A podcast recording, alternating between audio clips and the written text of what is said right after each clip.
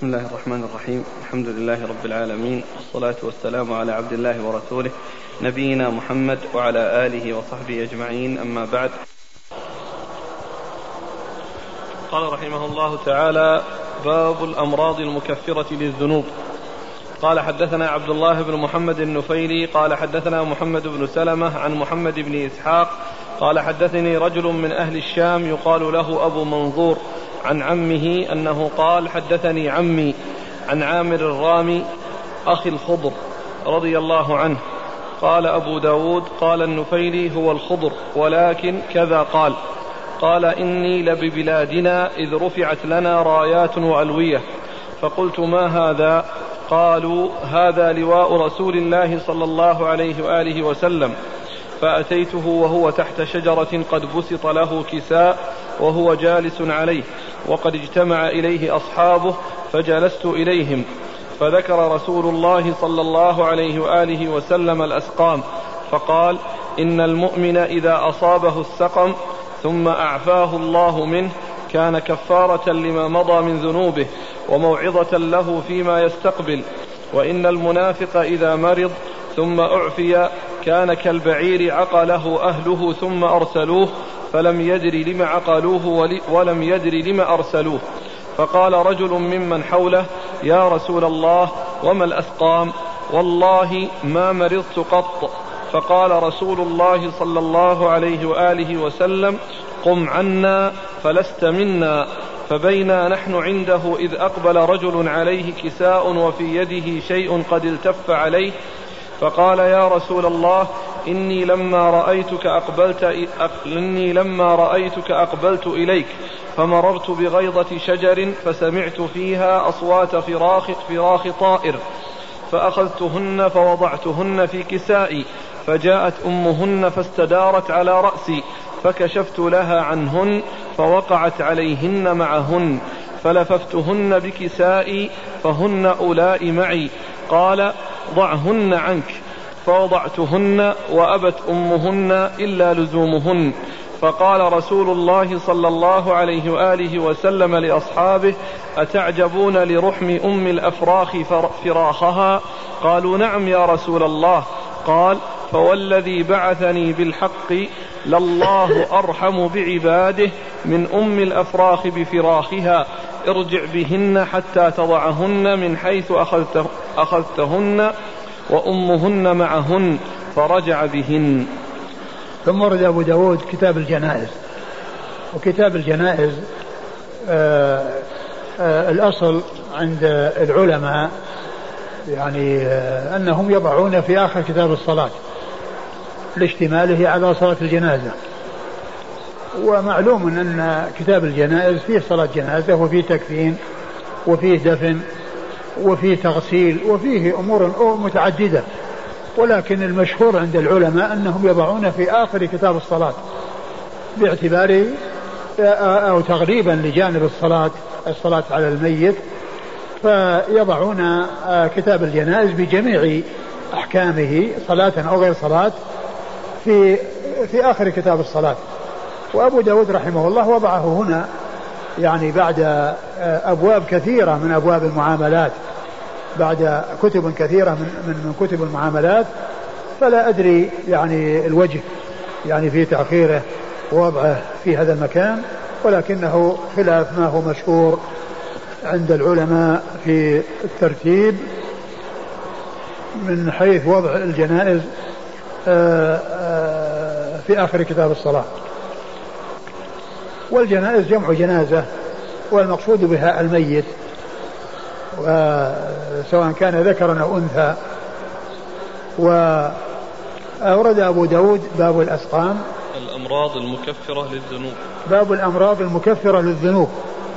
معلوم أن الأمراض والأسقام والبلاء الذي يصيب الإنسان إذا صبر واحتسب أنه من أسباب تكفير الذنوب. كما جاء في أحاديث كثيرة ثابتة عن رسول الله صلى الله عليه وسلم. ومنها عجبا لأمر المؤمن إن أمره كله له خير. إن أصابته ضراء صبر فكان خيرا له وإن أصابته سراء شكر فصار خيرا له. وليس ذلك وليس ذلك لأحد إلا للمؤمن أحاديث كثيرة وردت في هذا تدل على أن الأمراض والأسقام يعني يكفر الله تعالى بها الذنوب والخطايا ولكن مع الصبر والاحتساب وقد أورد أبو داود هنا حديثا يعني ضعيفا عن آه، عن عامر عامر الرامي. نعم. عن عامر الرامي رضي الله تعالى عنه آه ذكر فيه قصة وهو أنه آه أنه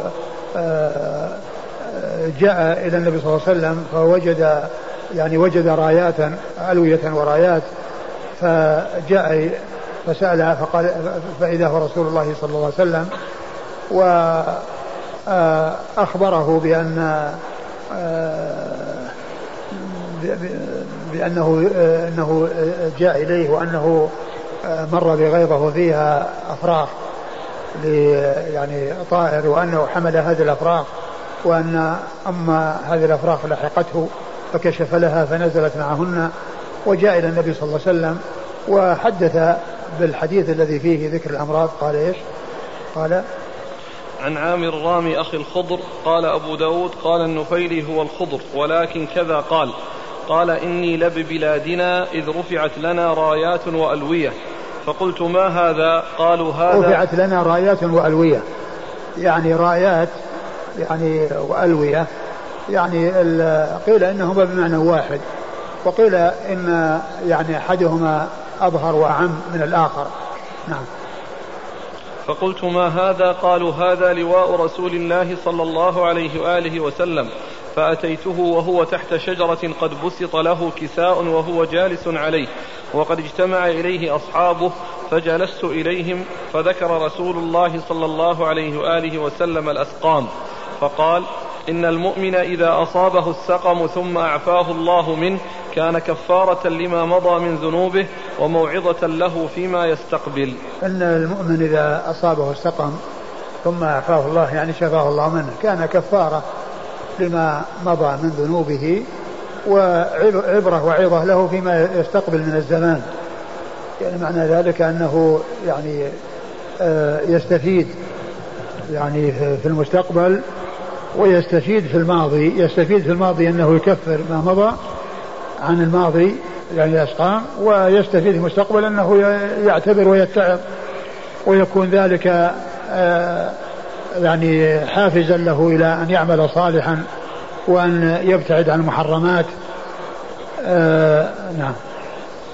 وإن المنافق إذا مرض ثم أعفي كان كالبعير عقله أهله ثم أرسلوه فلم يدر لما عقلوه ولم يدر لما أرسلوه. وأما المنافق بخلاف ذلك إذا أصابه المرض ثم شفي منه ما يحرك به ساكنا ولا يلتفت إليه ولا يعتبر ولا يتعظ ويكون كالبعير الذي عقله أهله ثم أطلقوه فلا يدري لماذا عقلوه ولماذا أطلقوه.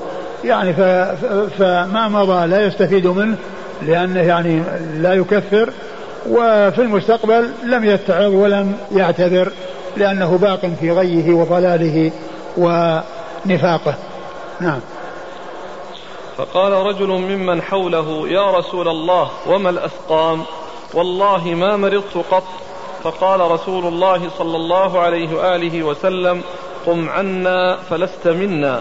يعني قم عنا فلست منا يعني لست من يعني من أهل طريقتنا الذين آه، آه، تحصل لهم تلك الأسقام التي يكون فيها التكفير وفيها العبرة وفيها الموعظة. نعم لكن الحديث كما عرفنا هو غير صحيح. نعم.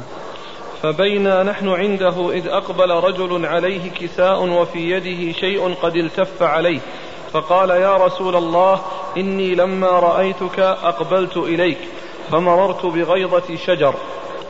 غيضة يعني شجر ملتف.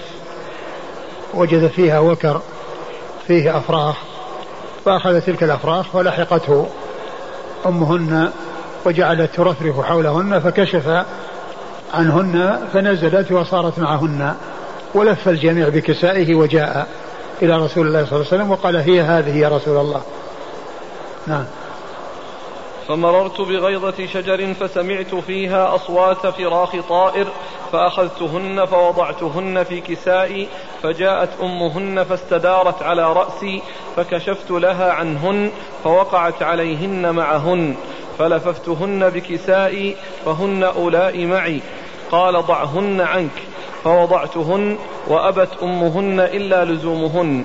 فقال رسول الله صلى الله عليه وآله وسلم لأصحابه أتعجبون لرحم أم الأفراخ فراخها؟ يعني كون ال ال هذه الأم جعلت ترفرف على رأسه حتى كشف عن الأفراخ ونزلت معها ثم أيضا لما أمره بإلقائهن ألقاهن فلم تبرح عنهن أمهن فقال أتعجبون من رحم هذه بأفراخها؟ الله أشد فرحا بتوبة عبده. هو الذي بعثني بالحق لله أرحم بعباده من أم الأفراخ بفراخها. نعم. والله لا والذي بعثني بالحق لا رحمة لرحمة الله. لله أرحم لله أرحم بعباده من هذه بأفراخها. نعم. ارجع بهن حتى تضعهن من حيث أخذتهن وأمهن معهن فرجع بهن. نعم. والإسناد؟ قال حدثنا عبد الله بن محمد النفيلي. عبد الله بن محمد النفيلي ثقة أخرجه أصحاب كتب الستة. أصحاب البخاري وأصحاب السنن. عن محمد بن سلمة. عن محمد بن سلمة المرادي الباهلي الحراني وهو ثقة أخرجه البخاري في جزء القراءة ومسلم وأصحاب السنن. عن محمد بن إسحاق عن رجل من أهل الشام يقال له أبو منظور. محمد إسحاق مر ذكره ورجل من أهل الشام يقال له منظور. هو مجهول. نعم. مجهول أخرج له؟ أبو داود. أخرجه أبو داود. عن عمه؟ نعم. عن عمه قال حدثني عمي عن عامر الرامي. يعني فيه يعني آه، آه، واسطتان. يعني واسطتان مبهمتان. نعم وعن عامر الرام أي الرامي وهو صحابي أخرج له؟ أبو داود. أخرج له أبو داود.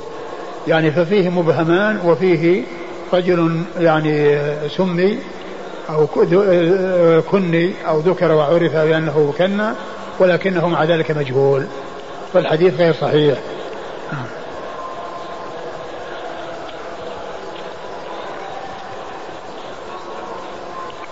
ها؟ يقول الشيخ هذا الصحابي ليس له إلا هذا الحديث. نعم. لكن الآن يعني المرفوع من الحديث أليس له شواهد؟ يعني أن الأسقام إلا إلا مسألة الأسقام والأمراض أنها تكفر. هذا لا شك أنا قلت يعني منها حديث هذا الحديث يعني عجب لأمر المؤمن أمره كله خير له خير إن أصابته ضراء صبر فكان خيرا له. يعني من من الأسقام من الضراء إلى الأسقام. نعم. وآخره؟ لله أرحم وكذلك أيضا هذا آخر ثابت اللي هو يعني يكون الله أرحم بعباده يعني من من المخلوق ب من سواء جاء حديثا لله أشد يعني المرأة التي أخذت يعني الطفل وأرضعته ولصقته بصدرها قال تعجبون أترون هذه طرحة وجهها بالنار ثم قال الله أشد يعني آه، أشد رحمة من ولدها من هذه بولدها. نعم الحكم عليه بالضعف يعني؟ والله يعني من ناحية من ناحية كون كون الذنوب مكفرة هذا صحيح. أقول يعني من ناحية كون الذنوب من أسباب التكفير هذا صحيح. ولكن نفس الحديث قصة القصة يعني غير ثابتة نعم.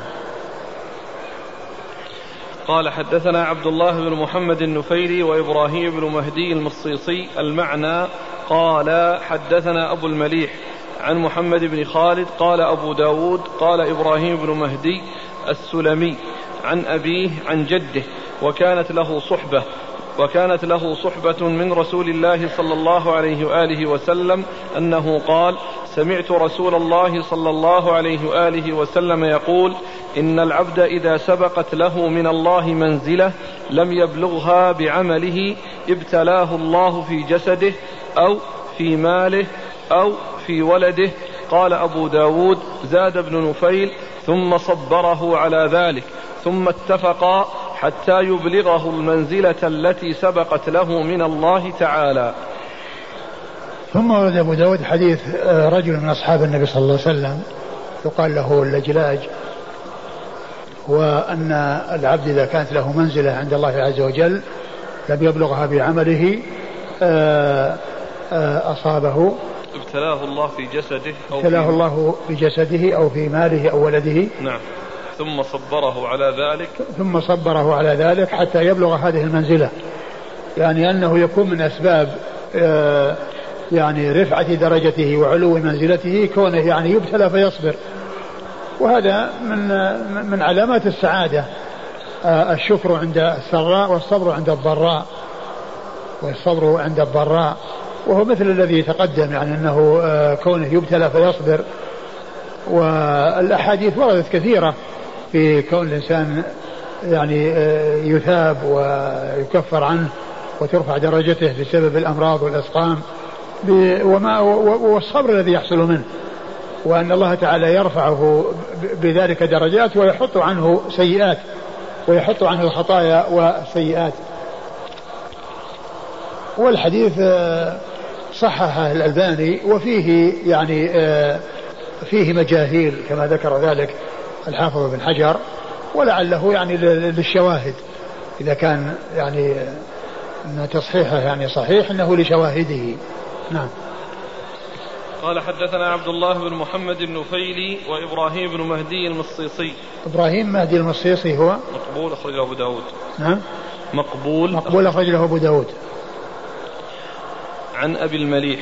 عن أبي المليح وهو المليح الرقي الحسن بن عمر.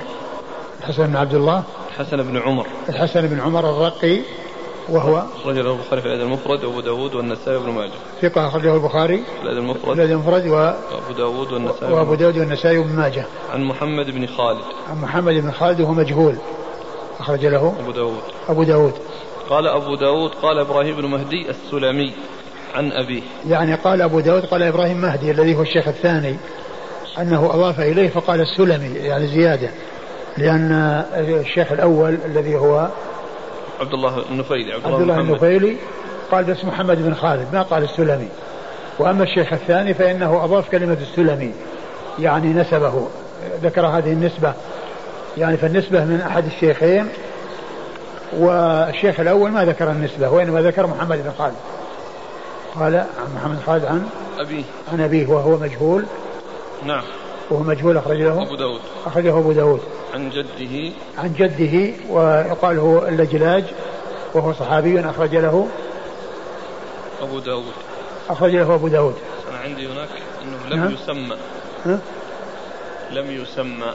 هنا لم يسمى لكن قيل أنه اللجلاج يعني في المبهمات نعم في ولا في العون؟ وش قال عن أبيه عن جده؟ لا أظن في العون وكذا.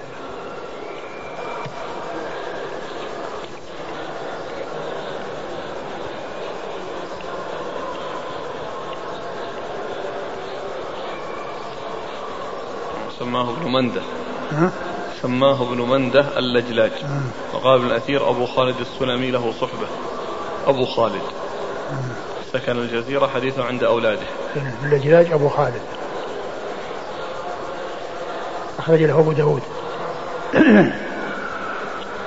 لا لأن لما رجعت التحفة ما وجدت أنه ذكر تحت اللجلاج إيه ما ما سماه؟ لا حطه في المبهمات. وقال لم يسمى أخرج له أبو داود. نعم. هنا. شوف اللجلاج عند ابن حجر.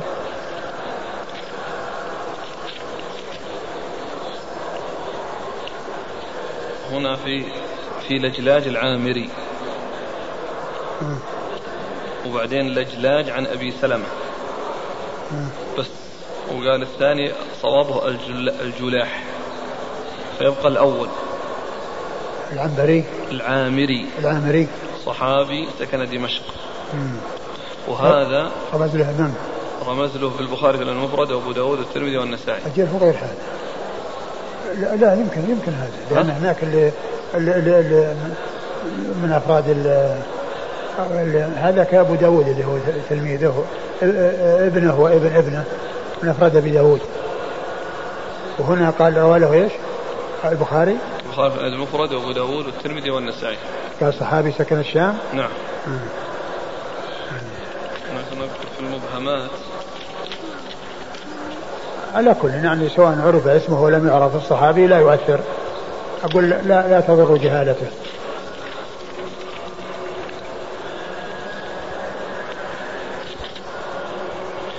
خالد عن أبيه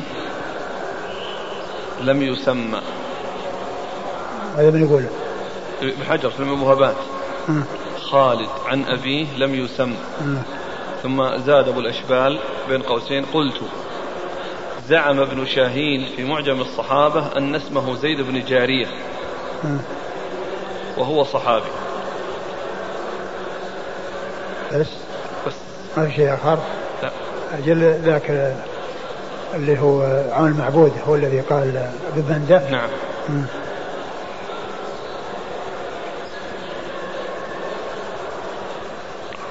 نعم. الأخ يسأل وجه إيراد هذا الباب في أول كتاب الجنائز. يعني, يعني كما هو معلوم يعني لعله يعني لأن الأمراض هي مقدمات الموت. ويعني كونها يعني تذكر الأمراض يعني في أقول يعني تذكر يعني على اعتبار أنها مقدمة أو أنها تسبق أو أنها من أسباب الموت المرض. يعني لعل هذا هو هو السبب. ولهذا يذكرون يعني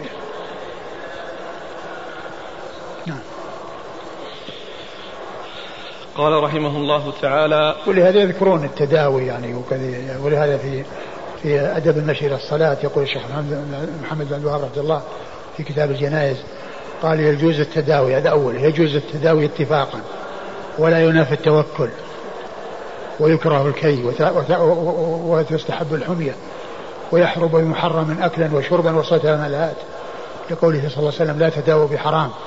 يعني فيذكر يعني شيء يعني في أول كتاب الجنائز مثل الأمراض والتداوي وما إلى ذلك على اعتبار أن هذه من أسباب المرض من أسباب الموت. نعم. قال رحمه الله تعالى باب إذا كان الرجل يعمل عملا صالحا فشغله عنه مرض أو سفر. قال حدثنا محمد بن عيسى ومسدد المعنى قال حدثنا هشيم عن العوام بن حوشب عن إبراهيم بن عبد الرحمن بردة عن أبي موسى رضي الله عنه أنه قال سمعت النبي صلى الله عليه وآله وسلم غير مرة ولا مرتين يقول إذا كان العبد يعمل عملا صالحا فشغله عنه مرض أو سفر كتب له كصالح ما كان يعمل وهو صحيح مقيم.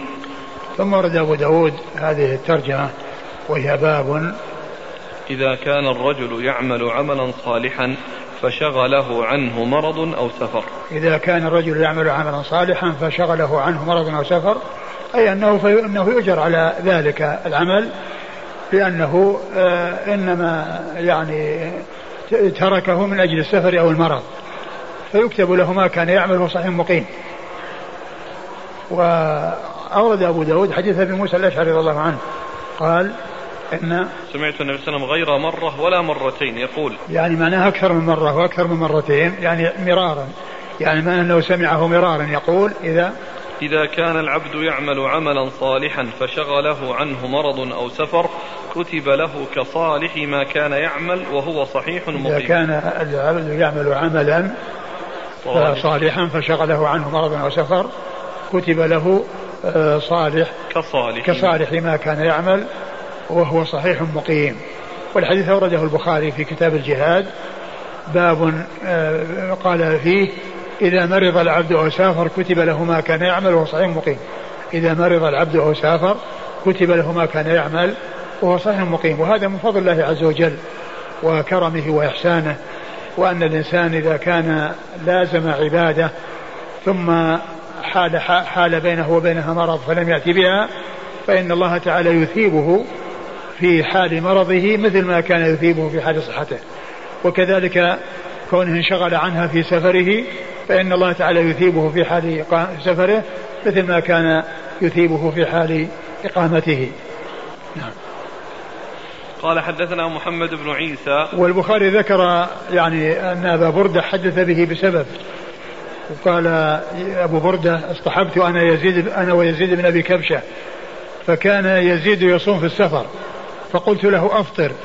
سمعت أبا موسى يقول قال رسول الله صلى الله عليه وسلم إذا مرض العبد وسافر كتب له ما كان يعمل وهو صحيح مقيم. نعم. قال حدثنا محمد بن عيسى. محمد بن عيسى الطباع وهو ثقة أخرج له آه، البخاري تعليقا وأبو داود والترمذي في الشمائل والنسائي وابن ماجه. ومسدد عن هشيم. ومسدد مر ذكره هشيم هو بن بشير الواسطي ثقة أخرجه أصحاب الكتب الستة. عن العوام بن حوشب. والعوام بن حوشب ثقة أخرجه أصحاب الكتب الستة. عن إبراهيم بن عبد الرحمن السكسكي. عن إبراهيم بن عبد الرحمن السكسكي وهو صدوق ضعيف الحفظ أخرجه البخاري وأبو داود النسائي صدوق ضعيف الحفظ أخرجه البخاري وأبو داود النسائي وأبو داود النسائي عن أبي بردة. عن أبي بردة ابن أبي موسى الأشعري وهو ثقة أخرج له أصحاب الكتب الستة. عن أبيه أبي موسى وهو عبد الله بن قيس. الأشعري صحابي أخرج له أصحاب الكتب الستة. قال رحمه الله تعالى باب عيادة النساء. قال حدثنا سهل بن بكار عن أبي عوانة عن عبد الملك بن عمير عن أم العلاء رضي الله عنها أنها قالت عادني رسول الله صلى الله عليه وآله وسلم وأنا مريضة. فقال أبشري يا أم العلاء فإن مرض المسلم يذهب الله به خطاياه. كما تذهب النار خبث الذهب والفضة.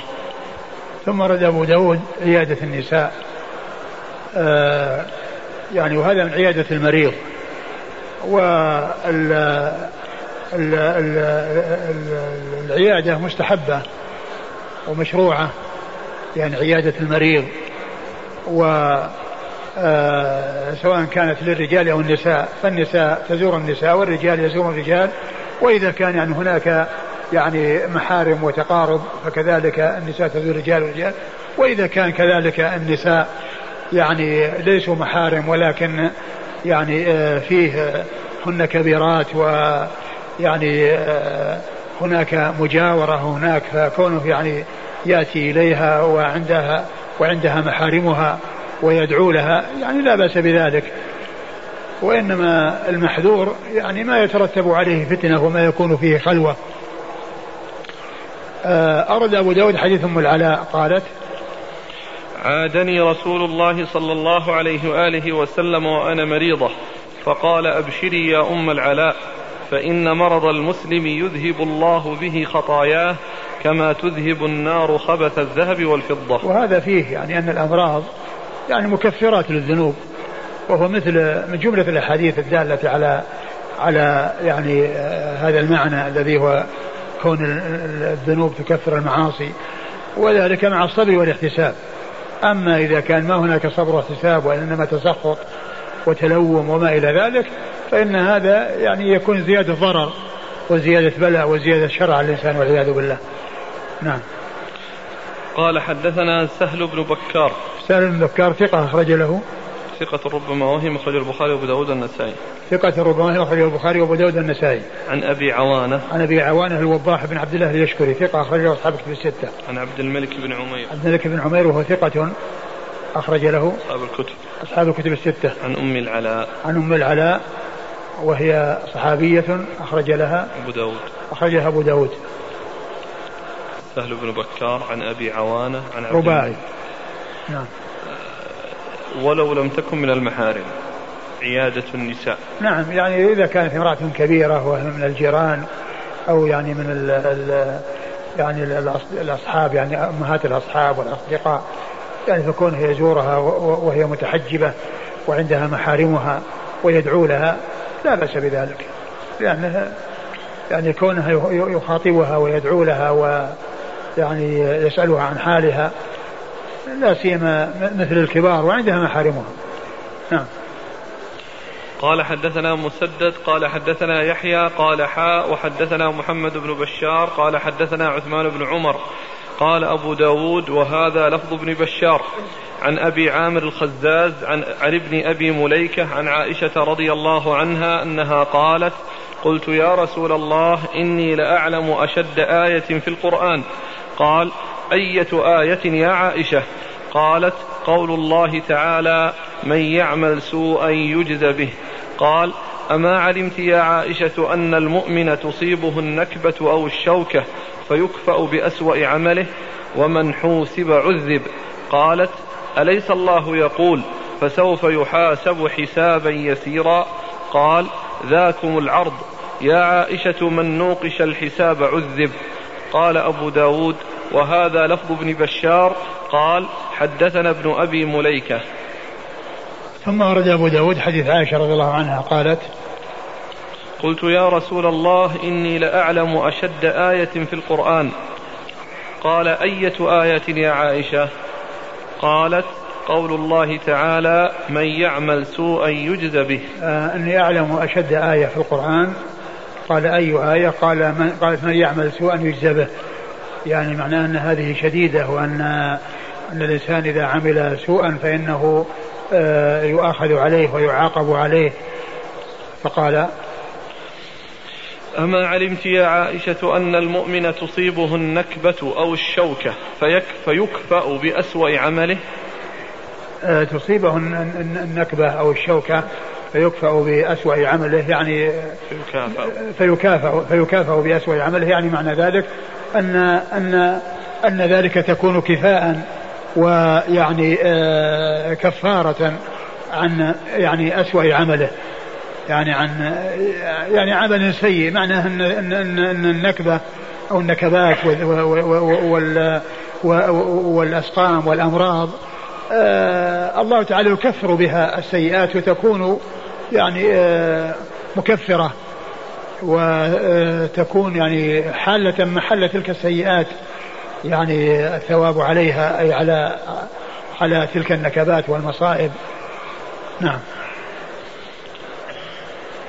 ومن حوسب عذب قالت أليس الله يقول فسوف يحاسب حسابا يسيرا؟ قال ذاكم العرض. يا عائشة من نوقش من نوقش الحساب عذب. ومن حوسب عذب يقول يعني من من يعمل سوءا يجزى به وكون يحاسب عليه يعذب. فقال إنما ذلكم العرض يعني العرض على الله عز وجل. وإلا فإن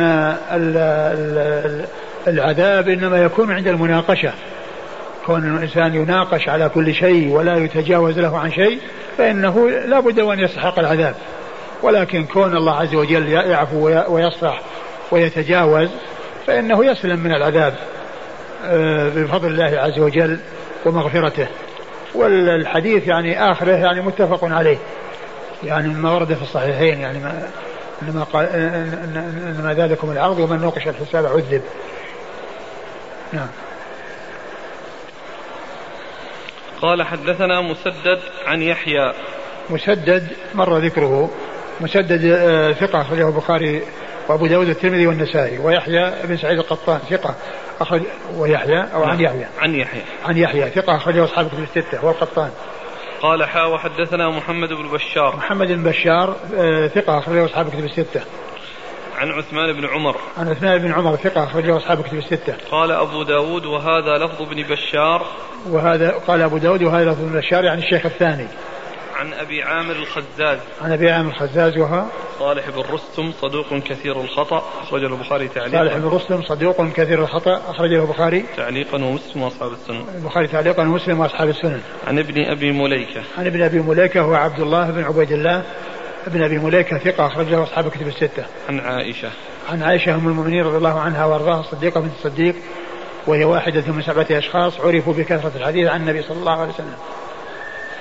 قال أبو داود وهذا لفظ ابن بشار قال حدثنا ابن أبي مليكة. قال وهذا لفظ ابن بشار حدثنا ابن أبي مليكة يعني أن أنه ساقه على لفظ مسدد وفيه عن ابن أبي مليكة. وأما على لفظ ابن بشار فهو قال حدثنا ابن أبي مليكة. نعم. مع أن في أوله قال وهذا لفظ ابن بشار. يعني أول السند قال وهذا لفظ ابن بشار.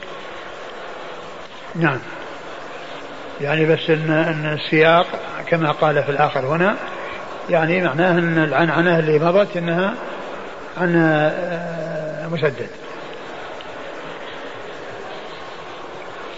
قال رحمه الله تعالى باب في العيادة قال حدثنا عبد العزيز بن يحيى قال حدثنا محمد بن سلمة عن محمد بن إسحاق عن الزهري عن عروة عن أسامة بن زيد رضي الله عنهما أنه قال خرج رسول الله صلى الله عليه وآله وسلم يعود عبد الله بن أبي في مرضه الذي مات فيه فلما دخل عليه عرف فيه الموت قال قد كنت أنهاك عن حب يهود قال فقد أبغضهم سعد بن زرارة فما فلما مات أتاه ابنه فقال يا رسول الله إن عبد الله بن أبي قد مات فأعطني قميصك أكفنه فيه.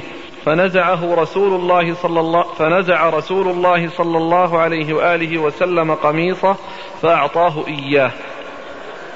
ثم ورد أبو داود باب العيادة يعني عيادة المريض.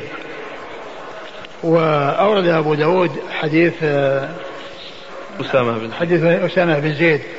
رضي الله تعالى عنهما قال خرج رسول الله صلى الله عليه وسلم يعود عبد الله بن أبي في مرضه الذي مات فيه وعبد الله بن أبي هو من كبار المنافقين وكان ابنه من خيار المسلمين ويعني ذهب يعوده فقال فلما دخل عليه عرف فيه الموت. فلما دخل عليه أي رسول الله صلى الله عليه وسلم عرف فيه الموت. فقال ألم أكن أنهك؟ كن قد كنت أنهاك عن حب يهود. قال كنت أنهاك عن حب يهود يعني حب اليهود. فقال قد أبغضهم. أبغضهم سعد بن زرارة فما؟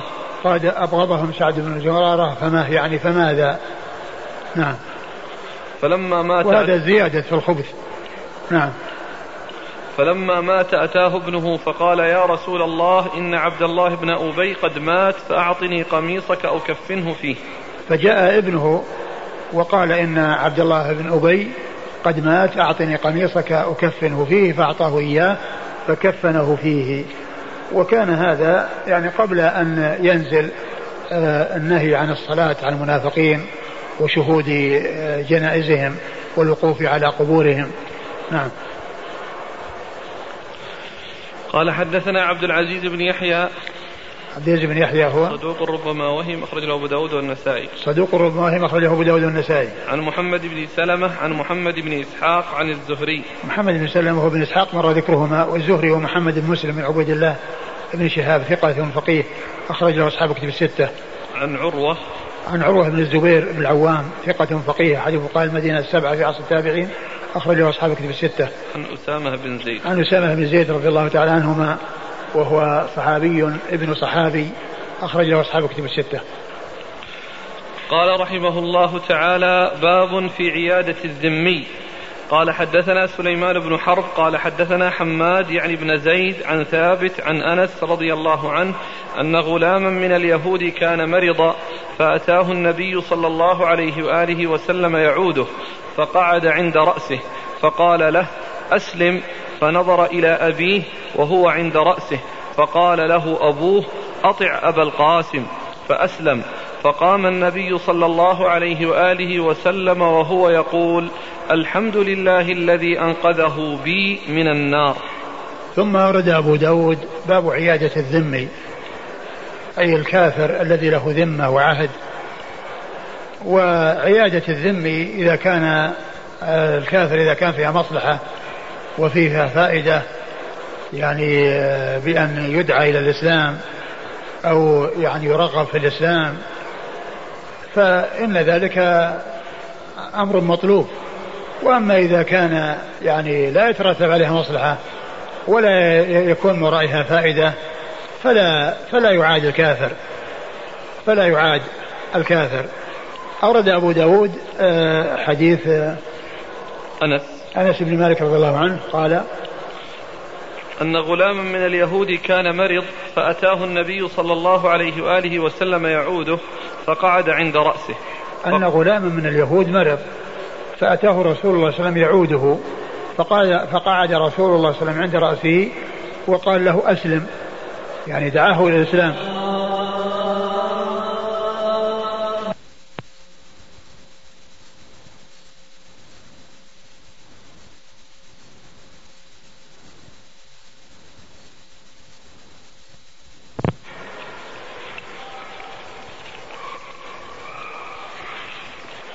وقوله صلى الله عليه وسلم أسلم يعني دعوة آه، له دعوة دعوته إلى الإسلام.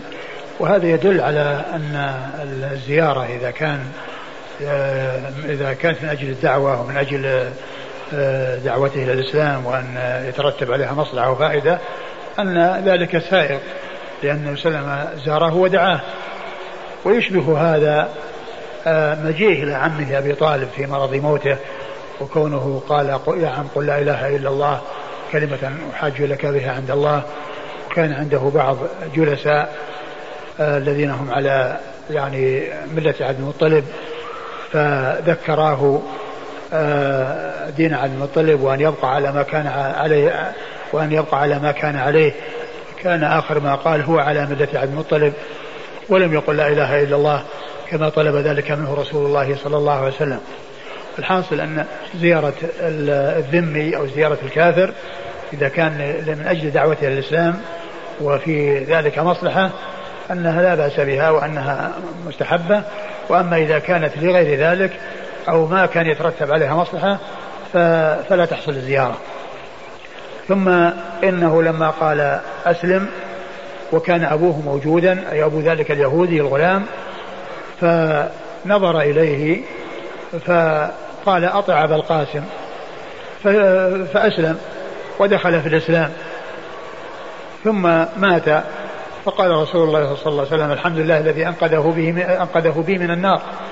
يعني أن الله تعالى نجاه من النار ومن دخول النار والخلود فيها لكونه أسلم. وهذا آه الذي حصل من هذا اليهودي الذي آه آه الذي آه آه أن يكون دخل في الإسلام يدل على أن الإسلام يعرض على الصغير وأنه آه وأنه يحصل إسلامه ويعني ولو كان صغيرا وأنه ليس الأمر مقصورا على الكبار بل يعتبر إسلام الصغير. نعم. قال حدثنا سليمان بن حرب. سليمان بن حرب ثقة أخرجه أصحاب كتب الستة. عن حماد حماد يعني بن زيد هو ثقة أخرجه أصحاب كتب الستة. عن ثابت.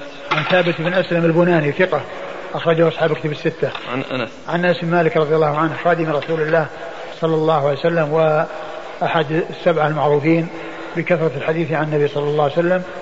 وهذا الإسناد من الرباعيات من أعلى على سنيد عند أبي داود. والله تعالى أعلم وصلى الله وسلم وبارك على عبده ورسوله نبينا محمد وعلى آله وأصحابه أجمعين. جزاكم الله خيرا وبارك الله فيكم ونفعنا الله بما قلتم.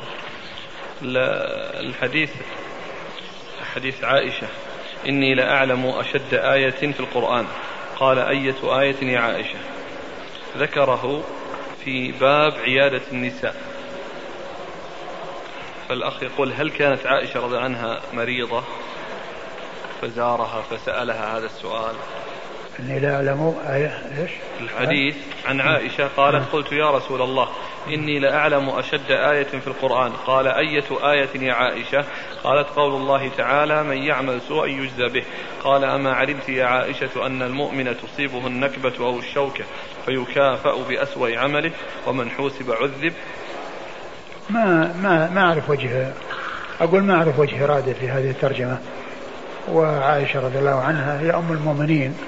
يعني آه، أقول هو أقول يكون عندها وقد ومعلوم أنه كان حتى يعني آه، آه، المرأة التي لا يكون عندها أيضا يزور نساءه في يوم كل واحدة منهن ويجلس معها معهن قليلا ثم ينتهي إلى المرأة التي تكون لها النوبة. ما ما أدري إيش وجه إرادة في هذه الترجمة.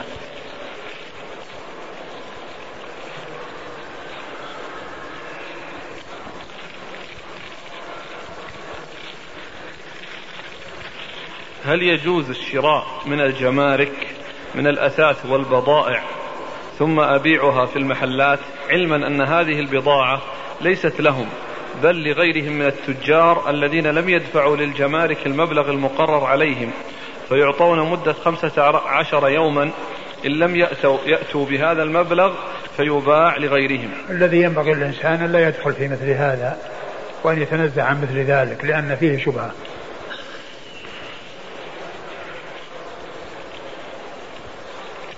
لو وجد مال في الأرض ولم يعلم هل هو من أموال الجاهلية أم أنه من أموال المسلمين والتي تعتبر من اللقطة فما العمل؟ آه، إذا وجد أقول إذا وجد يعني آه، إذا كان يعني عليه علامة يعني إسلامية فهو طبعا يكون من أموال المسلمين وإذا كان يعني شيء قديم جدا فهذا هو الذي يكون ركاز. وإذا كان في يعني في آه، في مكان يعني في بلاد المسلمين وهو يعني ليس فيه شيء يدل على على قدمه فيعتبر من قبيل اللقطة. هل صحيح ما يزعمه ما يزعمه بعض الناس أن الركاز يكون محروس من الجن فمن أراد أن يقرب منه ربما يؤذى إلا إذا قرأ القرآن؟ والله ما نعلم لهذا أصل يقول في بلادنا كثير من قبور اليهود والنصارى فيها الكثير من الذهب فهل يجوز أن ننبشها ونأخذ المال؟ وما الذي يدريك أن فيها الكثير من الذهب؟ وإذا كان فيها ذهب ويعني أمكن النبش والحصول عليه لا بأس بذلك لكن يعني من أين الإنسان؟ يعني يروح ينبش القبور كلها يدور ذهب يبحث عن ذهب؟ لأن هذا يقول إن الكفار الصينيين في بلادنا إذا مات أحد أقاربهم فإنهم يدفنون الميت مع أمواله. فهل يجوز أن ننبش قبره لأخذ هذه الأموال؟ والله الآن الأموال صارت أوراق. أقول الأموال صارت أوراق وإذا دفنت الأوراق معها ستأكلها الأرض. يقول هل يجوز يجوز نبش القبور لغير المصلحة؟ ومن ذلك هل يجوز نبشها ليرى العذاب أو النعيم لا لا لا. لا, لا, لا تنبش لغير المصلحة. يعني كون الإنسان يعني يرى العذاب وحتى لو حتى لو نبش يعني العذاب يعني لم يجد عذابا يعني كما يألف وكما يعرف في هذه الحياة الدنيا يقول خلاص يقول ما في عذاب العذاب موجود ولو لم ترى العذاب. المعذب معذب والمنعم منعم. وإن لم ترى نعيما ولا عذابا لأن أمور الغيب وأمور البرزخ أمور غيبية ليست كالدنيا ليست كالدنيا وليست كأحوال الدنيا. فالإنسان يؤمن بالغيب ويصدق بالغيب ويعلم أن كل من يستحق العذاب معذب وكل من يستحق النعيم منعم. وإن لم يشاهد ذلك ولو حفر ولم يجد نعيما ولا عذابا يؤمن بأن النعيم موجود والعذاب موجود. مات أبي قبل ثلاثة أسابيع وبعد شهر ونصف تقريبا سأرجع إلى بلدي إن شاء الله. فهل يجوز لي أن أصلي على قبره؟ بعد تطاول بعد تطاول العهد يعني لا يصلي عليه الإنسان ولكن يدعو له. أقول يدعو له ويكفي. هل يجوز أن يقال للمرض هذا مر... هذا المرض الخبيث؟ والله أقول لا ينبغي. أقول لا ينبغي وإنما يعني لا يوصف بهذا الوصف. هل المرأة يكتب لها ما كانت تعمله من الأعمال الصالحة إذا حاضت؟ ما يعني الذي يبدو أنه ليس له ذلك ليس ليس لها ذلك. لأنه يعني جاء في الحديث يعني نقصان يعني آه يعني آه عقلها ودينها. وأن يعني أنها يعني أنها لا أنها أنها لا تصلي. يعني فهذا يعني يدل على أن يعني أن ان هذا شيء حصل لها وأنه نقص حصل لها. وما جاء شيء يدل عليه. وإنما يدل على أن هذا من النقص الذي يحصل لها عن رجال. وأنه يعني يأتي لها يعني شيء لا تصلي. أنا شاب في الثانوية وعلى وجه التخرج إن شاء الله. وأرغب في الدراسة في الجامعة الإسلامية. ولكن والدي يقول لا بد أن تسجل في كلية عسكرية وأنا لا أرغب في ذلك. فهل أدرس في الشريعة أم أنه يجب علي أن أطيع أبي؟ يعني ينبغي أن تحرص على أن تدرس في الشريعة وأن تسعى لإقناع أبيك. ما دام اتجاهك إلى الشريعة تسعى بإقناع أبيك وإرضائه. وتجمع بين المصلحتين. السؤال الأخير ما رأيكم في كتاب الرد المفحم على الذين أوجبوا تغطية وجه أوجبوا تغطية الوجه والكفين بالنسبة للمرأة للشيخ الألباني؟ والله ما اطلعت عليه لكن أعرف أن رأي الألباني هو القول بكشف الوجه وهو مخطئ في ذلك. والله تعالى يغفر له ويتجاوز عنا وعنه. والحق هو تغطية المرأة وجهها. ومعلوم أن الوجه هو فيه هو زينة المرأة والشريعة التي جاءت بتغطية الرجلين وبإرخاء الثياب حتى تغطي الرجلين بل ويجر يعني مقدار يعني يجر على الأرض. ومعلوم أن الوجه آه، فيه الجمال والشريعة التي جاءت بتغطية الرجلين من باب أولى أن تغطية الوجه آه، من الأمور التي هي أولى وأولى. لأن فيه الفتنة وفيه المحاسن وفيه الجمال. فالشيخ الألباني رحمة الله عليه آه، نعتقد أنه مخطي في هذا والصواب مع غيره. وكنت أقول أن هذا الذي كان الشيخ الألباني رحمه الله يعني اعتنى به وحرص عليه كنت أقول أن هذا من الحق الذي ينبغي إخفاءه.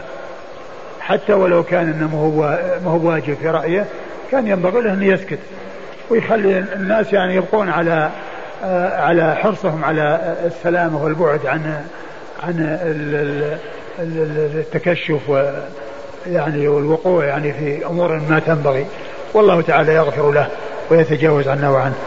جزاكم الله خير وبارك الله فيك. بسم الله الرحمن الرحيم. الحمد لله رب العالمين. والصلاة والسلام على عبد الله ورسوله نبينا محمد وعلى آله وصحبه أجمعين. أما بعد قال الإمام أبو داود السجستاني يرحمه الله تعالى باب المشي في العيادة.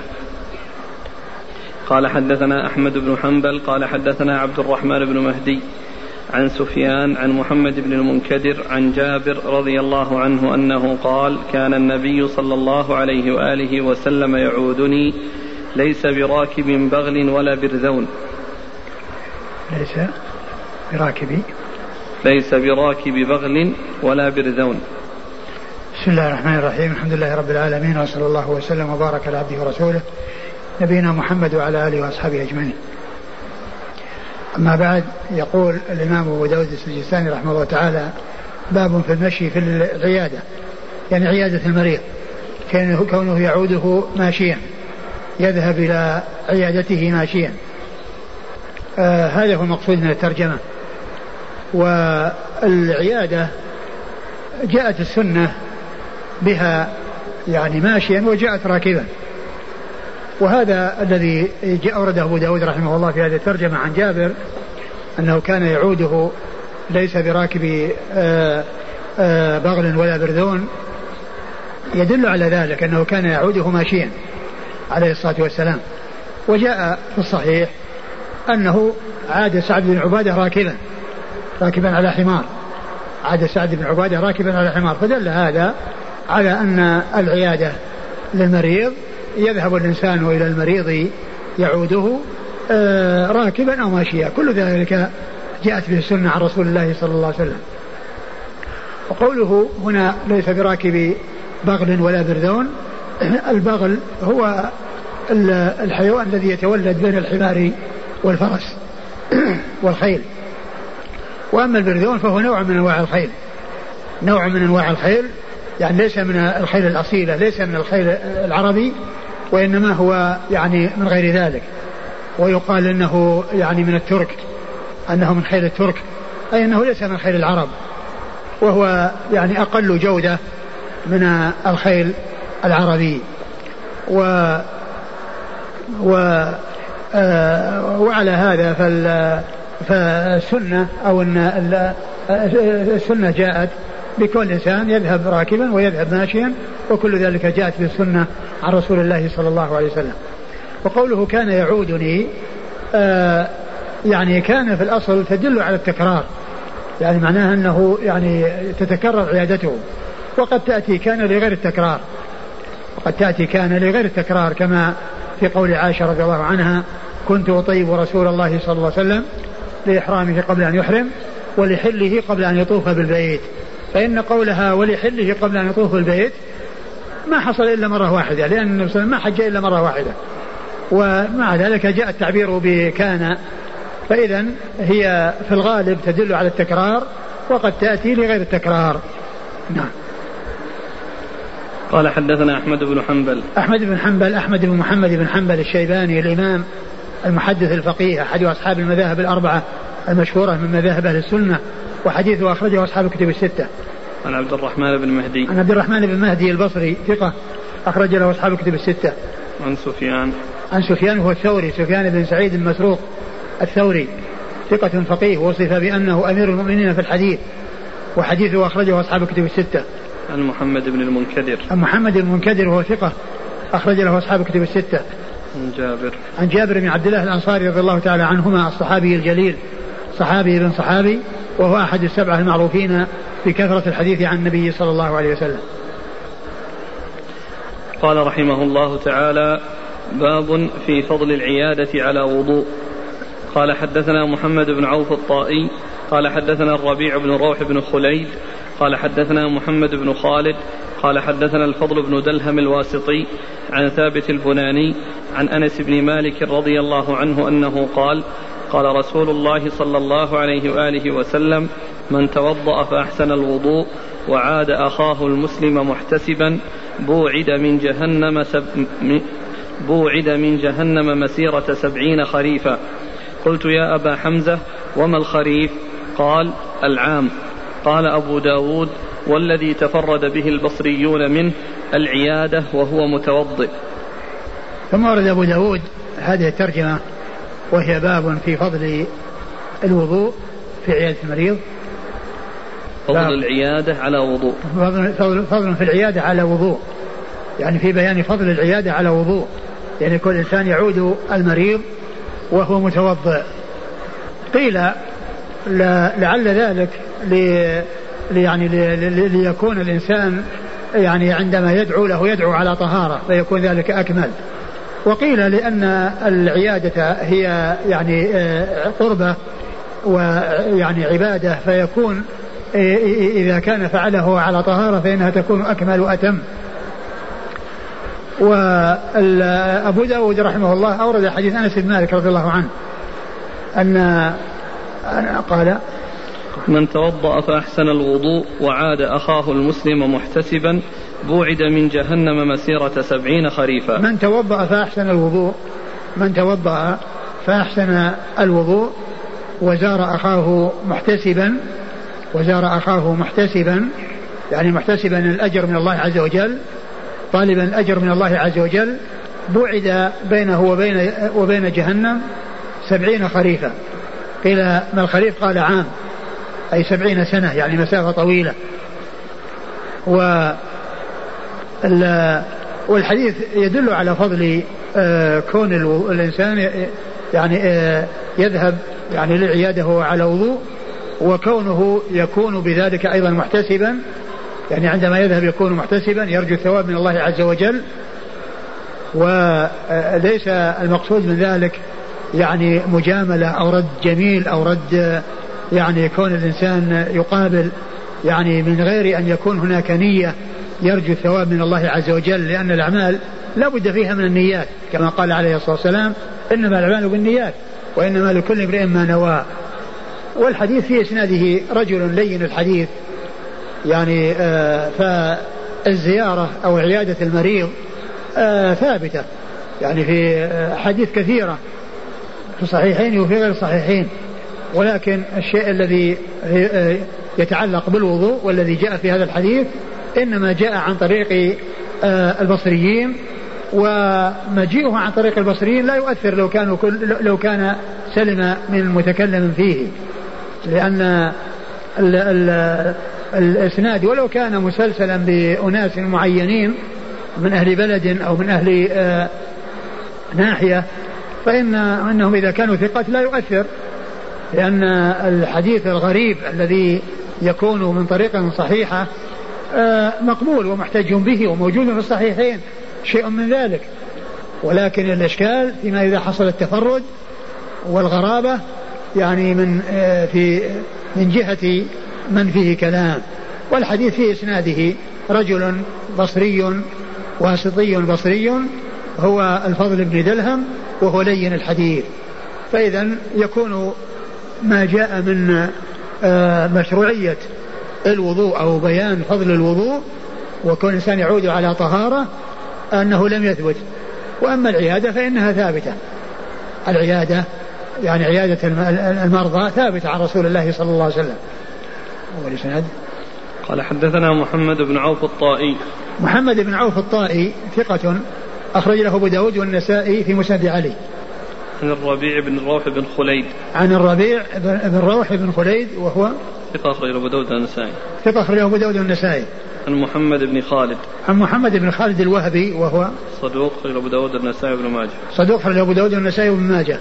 عن الفضل بن دلهم الواسطي. عن الفضل بن دلهم الواسطي البصري وهو لين الحديث أخرج له أبو داود والترمذي وابن ماجه. أبو داود والترمذي وابن ماجه. عن ثابت البناني. عن ثابت بن أسلم البناني وهو ثقة أخرج له أصحاب الكتب الستة. عن أنس بن مالك. عن أنس بن مالك رضي الله عنه صاحب رسول الله صلى الله عليه وسلم وخادمه وأحد السبعة المعروفين بكثرة الحديث عن النبي صلى الله عليه وسلم. نعم. قال أبو داود والذي تفرد به البصريون منه العيادة وهو متوضئ. الذي قال أبو داود والذي تفرد به البصريون منه العيادة وهو متوضئ يعني كونه يعود وهو على على وضوء. هذا هو الذي تفرد به البصريون والبصريون هم أنس وثابت والفضل بن دلام ومعلوم أن يعني آه، ثابت بن أسلم البناني ثقة أخرجه أصحاب كتب الستة وهو حجة ولكن الآفة فيه من الفضل بن دلهم الواسطي البصري فهو يعني الذي يؤثر في أو الذي كان مؤثرا في عدم ثبوته. نعم. قال حدثنا محمد بن كثير قال أخبرنا شعبة عن الحكم عن عبد الله بن نافع عن علي رضي الله عنه أنه قال ما من رجل يعود مريضا ممسيا إلا خرج معه سبعون ألف ملك يستغفرون له حتى يصبح وكان له خريف في الجنة ومن أتاه مصبحا خرج معه سبعون ألف ملك يستغفرون له حتى يمسي وكان له خريف في الجنة. قال حدثنا عثمان بن أبي شيبة قال حدثنا أبو معاوية قال قال حدثنا الأعمش عن الحكم عن عبد الرحمن بن أبي ليلى عن علي رضي الله عنه عن النبي صلى الله عليه وآله وسلم بمعناه لم يذكر الخريف. قال أبو داود رواه منصور عن الحكم كما رواه شعبة. ثم ورد أبو داود آه، حديث علي رضي الله عنه. حديث علي رضي الله تعالى عنه. والثاني حديث والثاني عن عن علي أيضا. نعم نعم. الحديث عن علي موقوفا ومرفوعا موقوفا ومرفوعا وكل منهما صحيح. والموقوف في حكم المرفوع لأنه لا يقال من قبل الرأي. لأنه من الأمور التي ليس للرأي فيها مجال. فيكون حكمه حكم الرفع. فجاء موقوفا وجاء مرفوعا والمرفوع موقوف حكما مرفوع حكما. المرفوع الموقوف منه مرفوع حكما. فقد جاء مرفوعا يعني آه، صراحة وجاء آه، آه، موقوف ولكنه وجاء موقوفا ولكنه مرفوعا حكما. قال من؟ ما من رجل يعود مريضا ممسيا إلا خرج معه سبعون ألف ملك يستغفرون له حتى يصبح. وبعده وكان له خريف في الجنة. ما من رجل يعود ما من رجل يعود مريضا ممسيا إلا وخرج معه سبعون ألف ملكا يستغفرون له حتى يصبح وكان له خريف في الجنة.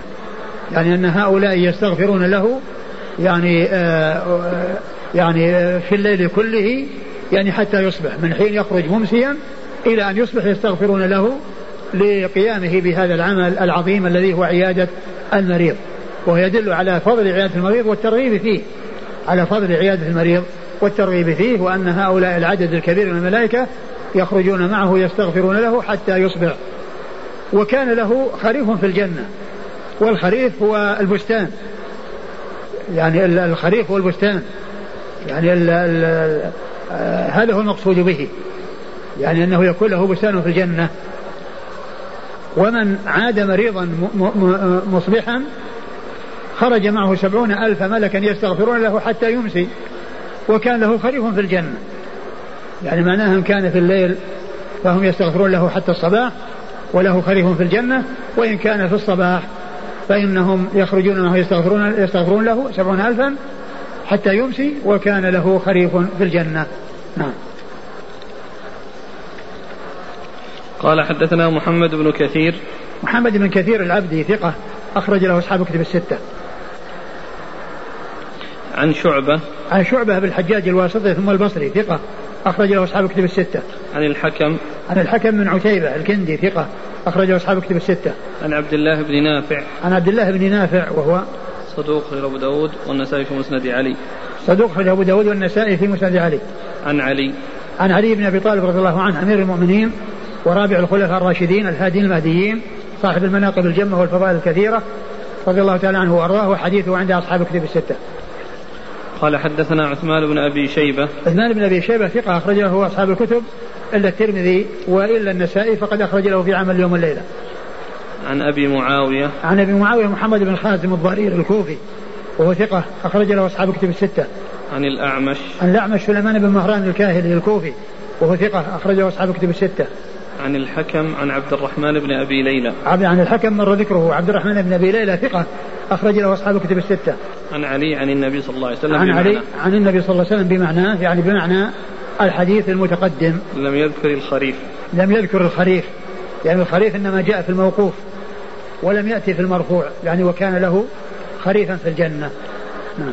قال أبو داود رواه منصور عن الحكم كما رواه شعبة قال أبو داود رواه منصور عن الحكم كما رواه شعبة أي من طريق أخرى أن فيه ذكر الخريف وهي الطريقة الأولى. وعلى كل الحديث يعني كما عرفنا ليس يعني مما للرأي فيه مجال حتى الموقوف فإنه في حكم المرفوع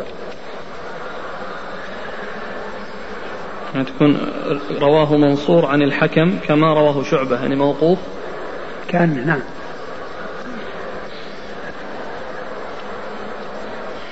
قال حدثنا عثمان بن أبي شيبة قال حدثنا جرير عن منصور عن الحكم عن أبي جعفر عبد الله بن نافع أنه قال وكان نافع وكان نافع غلام الحسن بن علي. قال إيش؟ قال عن أبي جعفر عبد الله بن نافع قال وكان نافع غلام غلام الحسن. غلام الحسن بن علي قال جاء أبو موسى إلى الحسن بن علي يعوده. قال أبو داود وساق معنى حديث شعبة. ثم ذكر الحديث من طريق أخرى يعني معلقة ويعني فيها أن ال أن ال أن أبا موسى أن أبو موسى جاء الحسن بن علي بن أبي طالب رضي الله عنه يعني يعوده ثم ذكر بمعنى حديث شعبة الأول الذي جاء عن علي يعني الموقوف. نعم. قال حدثنا عثمان بن أبي شيبة عن جرير. عثمان بن أبي شيبة مر ذكره جرير بن عبد الحميد الضبي الكوفي ثقة أخرجه أصحاب كتب الستة. عن منصور هذا الحكم. هذا الإسناد يعني هذا. نعم. إيش هو أوله؟ حدثنا اقرأ الإسناد.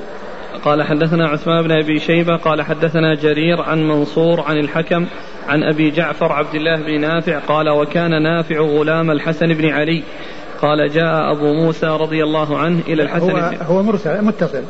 أقول يعني ذكر حديث أبي موسى بعد ذلك متصلا ولكنه بمعنى حديث آه، علي رضي الله عنه الذي رواه شعبة.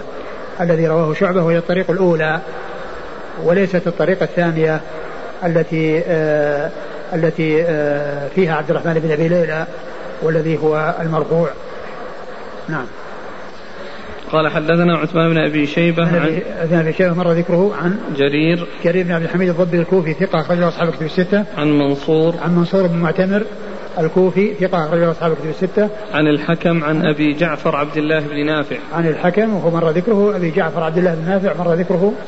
عن أبي موسى. عن أبي موسى الأشعري رضي الله عنه صاحب رسول الله صلى الله عليه وسلم واسمه عبد الله بن قيس صحابي أخرجه أصحاب الكتب الستة. قال أبو داود وساق معنى حديث معنى حديث شعبة. وساق معنى حديث شعبة هي الطريق الأولى التي جاءت عن علي. قال أبو داود أسند هذا عن علي عن النبي صلى الله عليه وآله وسلم من غير وجه صحيح. ثم قال أبو داود أسند هذا عن علي عن النبي صلى الله عليه وسلم من غير وجه صحيح يعني من وجوه أخرى متعددة وكلها صحيحة. وهو قد ذكر واحدا منها. أقول ذكر يعني في الأول الذي هو طريق عبد الرحمن بن أبي ليلى عن علي عن النبي صلى الله عليه وسلم.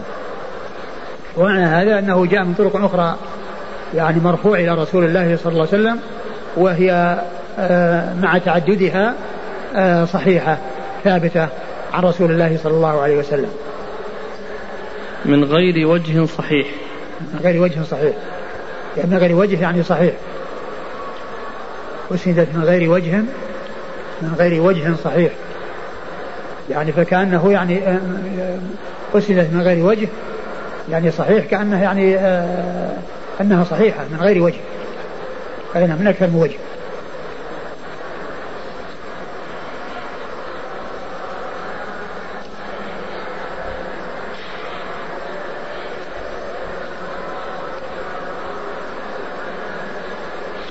قال حدث قال رحمه الله تعالى ثم هذا ثم هذا الحديث ما يعني ما في شيء يدل على المطابقة للترجمة فيما يتعلق بفضل الوضوء.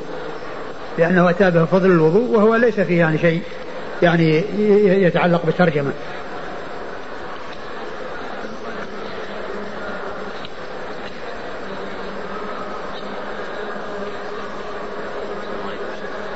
السلام. عليكم السلام. من ال ال هو التنصيص على ذكر الوضوء. ما جاء إلا في الحديث الذي مر وهو حديث أنس والذي فيه ذلك الطريق. وأما يعني كونه آه يعني يكون ثابتا بهذا الحديث الحديث ما في شيء يدل على أن الإنسان يزوره على وضوء. لكن كون الإنسان يكون على طهارة وأكثر وقته يكون على طهارة وكونه يخرج على طهارة هذا شيء طيب. ولكن كون الحديث يدل على أن الإنسان يعني يذهب على وضوء ما في ما يدل عليه. اللي يدل عليه الحديث الأول الذي مر والذي في إسناده الفضل بن دلهم وهو لين الحديث. فيكون كونه يعني مشروع ومستحب ما ثبت. ولكن كون الإنسان يكون على طهارة في أغلب أحواله هذا أمر طيب. وكان نافع غلام الحسن بن علي. قال جاء أبو موسى إلى الحسن بن علي يعوده. قال أبو داود وساق معنا حديث شعبة. يعني الآن فيه رواية؟ الأخ الآن يقول هل هو من رواية أبي موسى أم من رواية الحسن بن علي عن أبيه إيش اللفظة؟ إيش؟ قال؟ عن أبي جعفر عبد الله بن نافع قال وكان نافع غلام الحسن بن علي. قال جاء أبو موسى إلى الحسن بن علي يعوده. قال أبو داود وساق معنى حديث شعبة. ما أدري هل هل هل الحسن هو الذي حدث بالحديث أو أبو موسى الذي حدث بالحديث؟ كل منهم صحابي لكن هذا يعرف في في في تحفة الأشراف. هل, هل هو مسند الحسن ولا مسند أبي موسى؟ ما أدري. أنا ما رجعت تحفة الأشراف لكن سواء هذا أو هذا كلهم صحابة. لكن هل هو مسند هذا أو هذا؟ محتمل. لأن يكون أبو موسى هو الذي يعني حدث بالحديث ويمكن أن يكون الحسن هو الذي حدث بالحديث.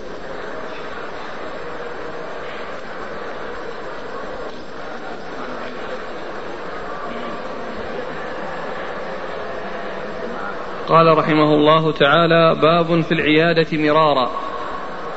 قال حدثنا عثمان بن أبي شيبة قال حدثنا عبد الله بن نمير عن هشام بن عروة عن أبيه عن عائشة رضي الله عنها أنها قالت لما أصيب سعد بن معاذ رضي الله عنه يوم الخندق رماه رجل في الأكحل فضرب عليه رسول الله صلى الله عليه وآله وسلم خيمة في المسجد ليعوده من قريب.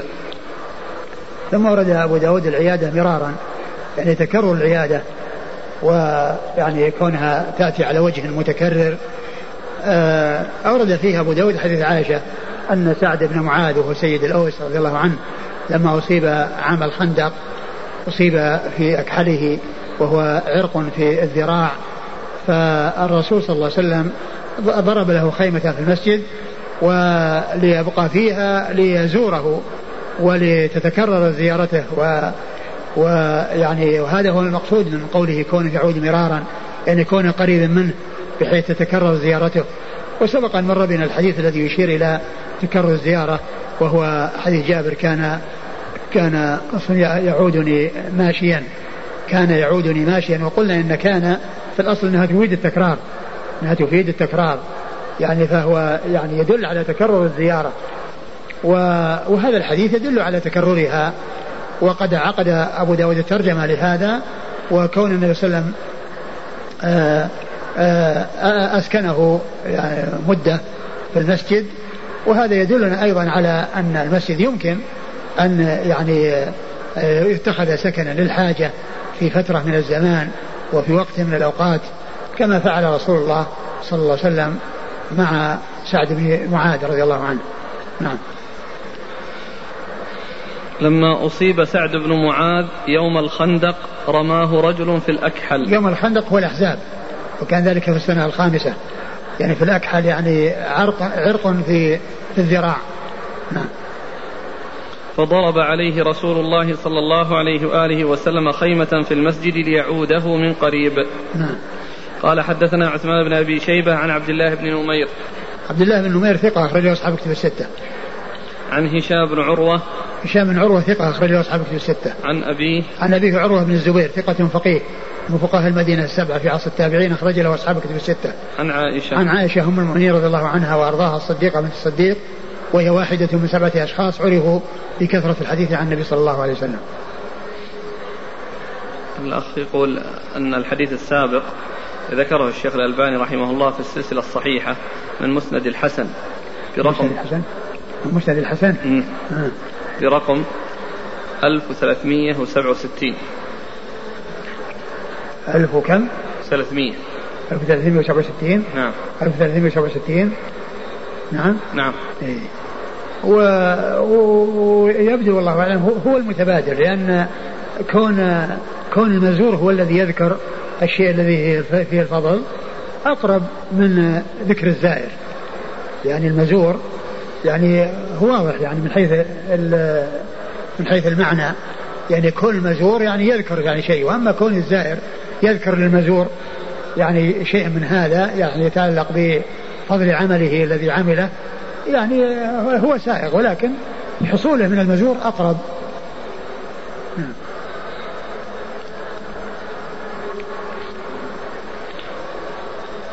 قال رحمه الله تعالى باب في العيادة من الرمد. قال حدثنا عبد الله بن محمد النفيلي قال حدثنا حجاج بن محمد عن يونس بن أبي إسحاق عن أبيه عن زيد بن أرقم رضي الله عنه قال عادني رسول الله صلى الله عليه وآله وسلم من وجع كان بعيني.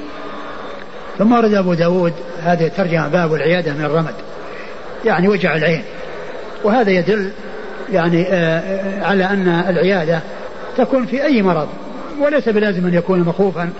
وأن يكون يعني مرضا خطيرا وأن يعني قد يكون مرض الموت حتى الأمراض التي يعني ليست مخوفة والإنسان يعني يعني يبقى في بيته مع مع يعني كون المرض ليس مخوف أيضا تشرع العيادة وعيادة المريض وزيارته.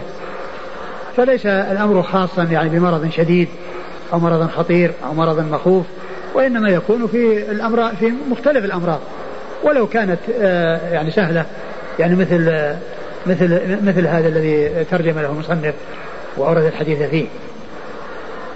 وأورد أبو داود حديث زيد بن أرقم قال كان قال عادني الرسول صلى الله عليه وسلم من من من وجع في عيني. نعم. من وجع في عيني. فهو دال على على ما ترجم له ودال على أن مختلف الأمراض أنه يعاد المريض فيها أنه يعاد المريض فيها و آه، يعني بعض يعني آه، أهل العلم قال إن يعني عيادة العيادة من من الرمد يعني آه، يعني ليست يعني كغيرها ويعني عللوا ذلك قالوا بأن الرجل الذي فيه رمد إذا زاره الناس يعني ينظرون في بيته وهو لا يراهم وهو لا يراهم. وقد قال ابن القيم رحمه الله إن هذا يعني شيء غير صحيح لأن الأعمى يعني يزار إذا مرض وكذلك الرسول صلى الله عليه وسلم زار جابرا وهو مغمى عليه. يعني ليس له شعور وليس له إحساس. وهو أشد يعني في ذلك من من من من, من, من الذي في في في عينيه رمد. فالحديث ثبت والسنة ثبتت ولا يصار إلى تعليل وإلى يعني احتمال آه، بعد أن ثبت السنة عن رسول الله صلى الله عليه وسلم.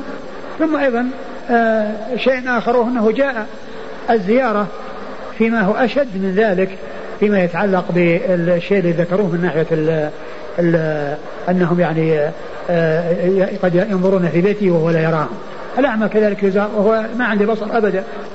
وكذلك المغمى عليه الذي ما عنده شعور ولا إحساس. حتى جسمه ما يتحرك. وقد زار رسول الله صلى الله عليه وسلم جابرا وهو مغمى عليه. وصب توضأ هذا وصب عليه فأفاق نعم. قال حدثنا عبد الله بن محمد النفيلي. عبد الله بن محمد النفيلي ثقة أخرجه البخاري وأصحاب السنن عن حجاج بن محمد. عن حجاج بن محمد المصيصي الأعور وهو ثقة أخرجه أصحاب كتب الستة. عن يونس بن أبي إسحاق. يونس بن أبي إسحاق وهو صدوق يهم قليلا. يهم قليلا أخرج له. خرج جزء القراءة ومسلم وأصحاب السنن البخاري في جزء القراءة ومسلم وأصحاب السنن عن أبي إسحاق أبوه أبوه أبو إسحاق السبيعي وهو عبد عمرو بن عبد الله الهمداني وهو ثقة أخرجه أصحاب كتب الستة. عن زيد بن أرقم. عن زيد بن أرقم رضي الله عنه صاحب رسول الله صلى الله عليه وسلم وحديثه أخرجه أصحاب كتب الستة.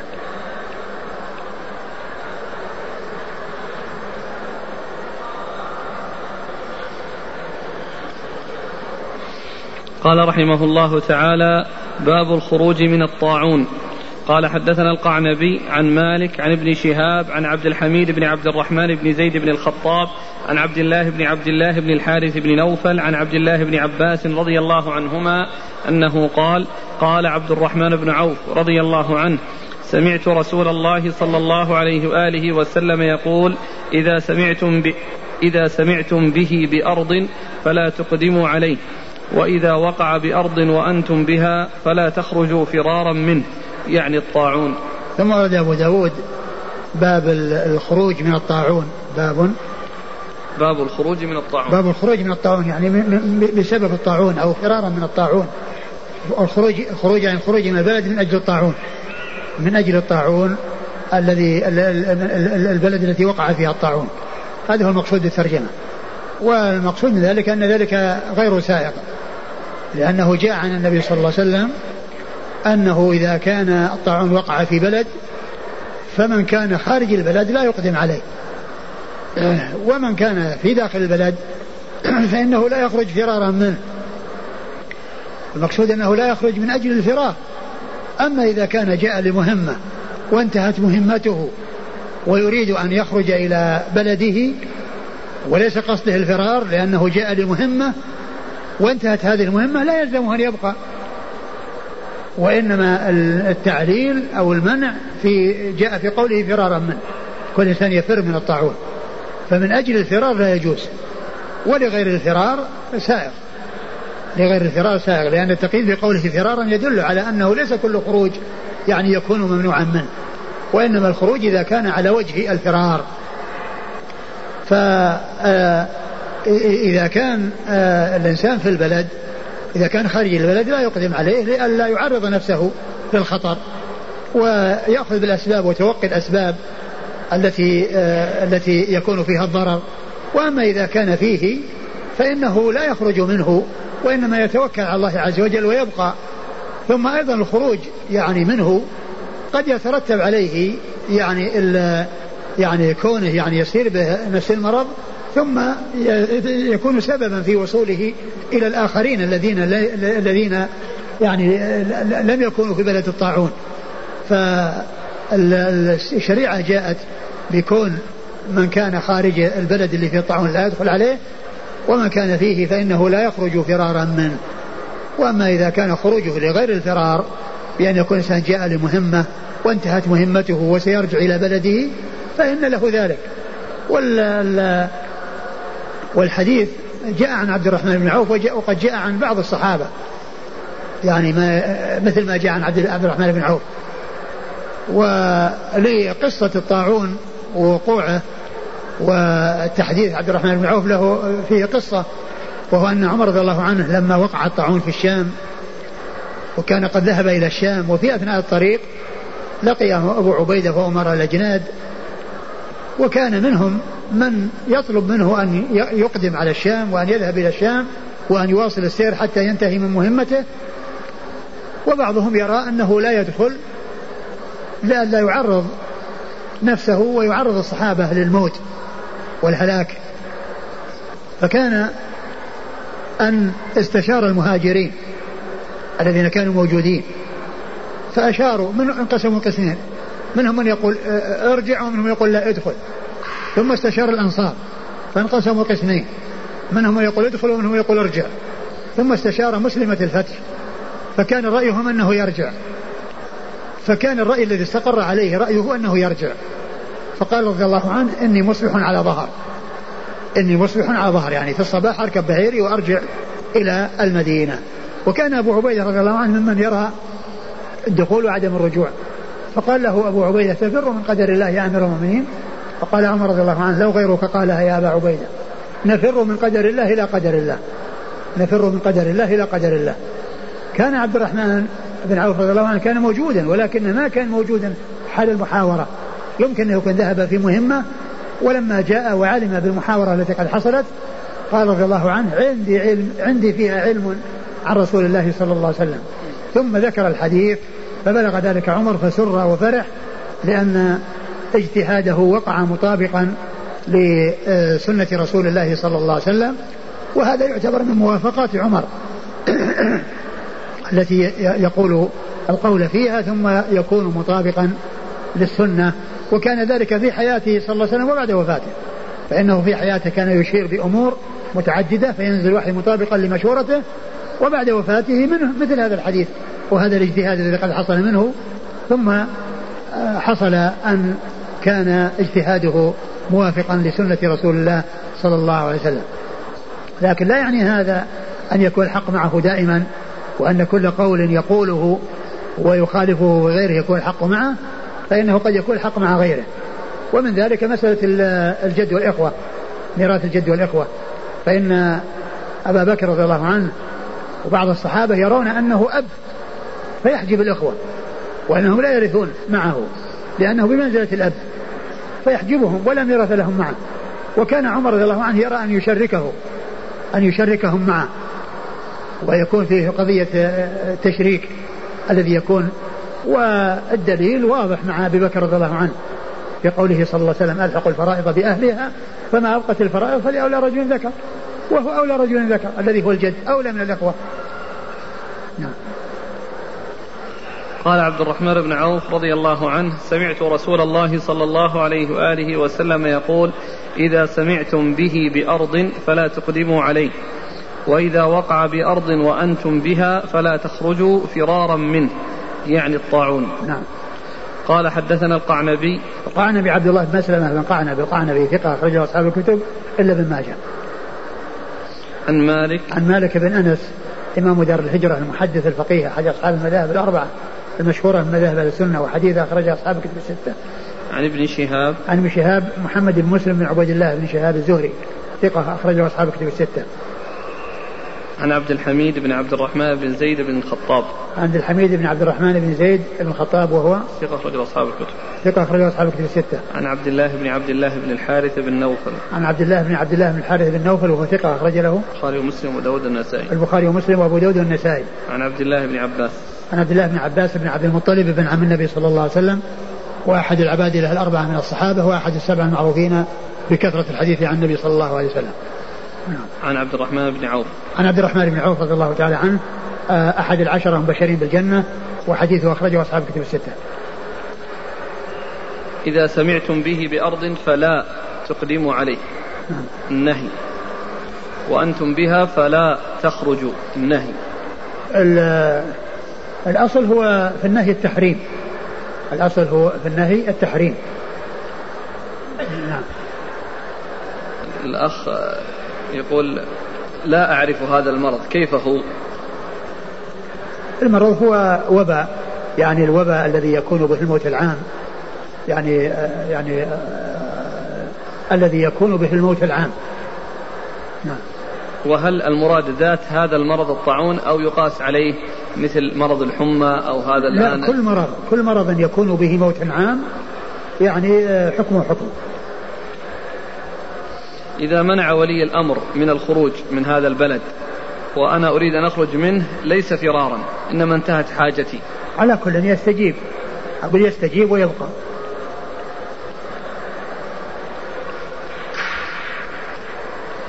ألا يكون كلمة فرارا خرجت مخرج الغالب لأن العلة التي من أجلها منع الخروج هو انتقال المرض بهذا الفار. والله يعني كونه يعني جاء التعليل يعني كأن المنع هو في يعني بها مقيد بهذا القيد. أليس النهي لتفادي العدوى؟ لا النهي عن الدخول ولا عن الخروج خروج. نعم. خروج. آه العدوى يعني كما هو معلوم آه بالنسبة للبلد الذي فيه الأمر فيه واضح لأن المرض موجود ولكنه موجود ليس موجودا في كل أحد. فيعني يمكن الإنسان يعني قد سلم من الطاعون وليس كل البلد في البلد أصابهم الطاعون فيكون الذي قد خرج يعني أنها آه، ليس بلازم أن يكون قد يصيب فيكون فيه العدوى. ولكن التعليل هو الخروج يعني فرارا منه يعني فرارا منه وإلا فإنه لا يلزم أن يكون كل الذين في البلد أصابهم الطاعون وإذا خرج يكون بالعدوى. ولكن في احتمال أن يكون فيه هذا المرض. نعم. أبو عبيدة رضي الله عنه أما مات في طاعون عمواس؟ الا إلا مات في طاعون عمواس. فهل معنى ذلك أنه دخل ولم يرجع مع عمر رضي الله عنه؟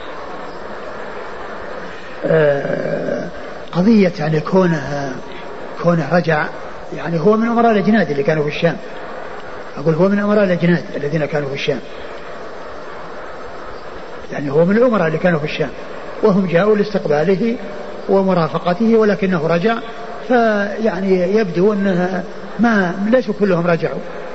أقول ليسوا كلهم رجعوا.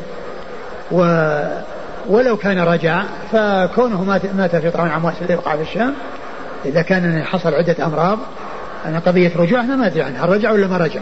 لكن النتيجة أنه توفي في طاعون عمواس وهل الطاعون الذي قد حصل هو هذا الطاعون؟ الطاعون طبعا في خلافة عمر لأن سنة 18 طاعون عمواس سنة 18 فهل آه يعني عمر يعني لما جاء كان آه هذا هو الطاعون الذي رجع عنه وأبو, أبو عبيدة مات به؟ لا أدري. قال رحمه الله تعالى باب الدعاء للمريض بالشفاء عند العيادة.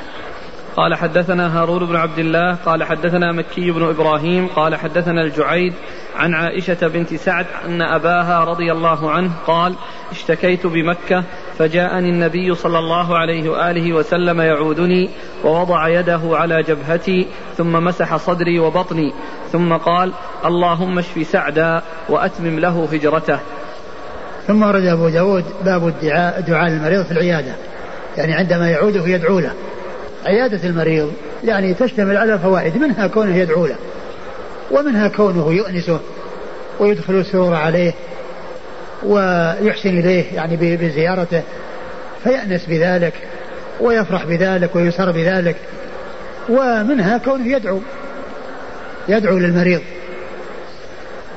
فقد أورد أبو داود حديث سعد بن, ابن أبي وقاص رضي الله تعالى عنه أنه لما اشتكى بمكة قال آه، آه، قال جاءني النبي صلى الله عليه وسلم يعودني ووضع يده على جبهتي ثم مسح صدري وبطني. جاء رسول الله صلى الله عليه وسلم يعودني ووضع يده على جبهتي ومسح صدري وبطني نعم. وبطني وقال اللهم اشفي سعدا. يعني ومحل الشاهد من قوله اللهم اشفي سعدا. فإنه دعا له بالشفاء. فإنه دعا له بالشفاء وقال اللهم اشفي سعدا وأتم له هجرته. يعني أنه يعني ما يموت في البلد الذي هاجر منه. يعني ما يموت في البلد الذي هاجر منه وكانوا يحرصون على أنهم لا يموتون في دار هجرتهم التي تركوها من أجل الله. ولهذا الرسول صلى الله عليه وسلم يعني أمر المهاجرين يعني في الحج أنهم يعني يعني يعني يغادرون مكة يعني لا يبقون فيها يعني بعد الحج. يعني آه، وكانوا يعني آه، لا يحبون أن يموتوا في المكان الذي هاجروا منه. وقال وآتم له هجرته يعني معناه أنه لا يموت يعني في البلد الذي مات منه وخرج منه من أجل الله من أجل الله. نعم. قال حدثنا هارون بن عبد الله. هارون بن عبد الله الحمال البغدادي ثقة أخرج حديثه مسلم وأصحاب السنن. عن مكي بن إبراهيم. عن مكي بن إبراهيم وهو ثقة من كبار شيوخ البخاري من الذين أخرج عنهم الثلاثيات. لأن البخاري عنده الثلاثيات مقدارها 22 حديثا.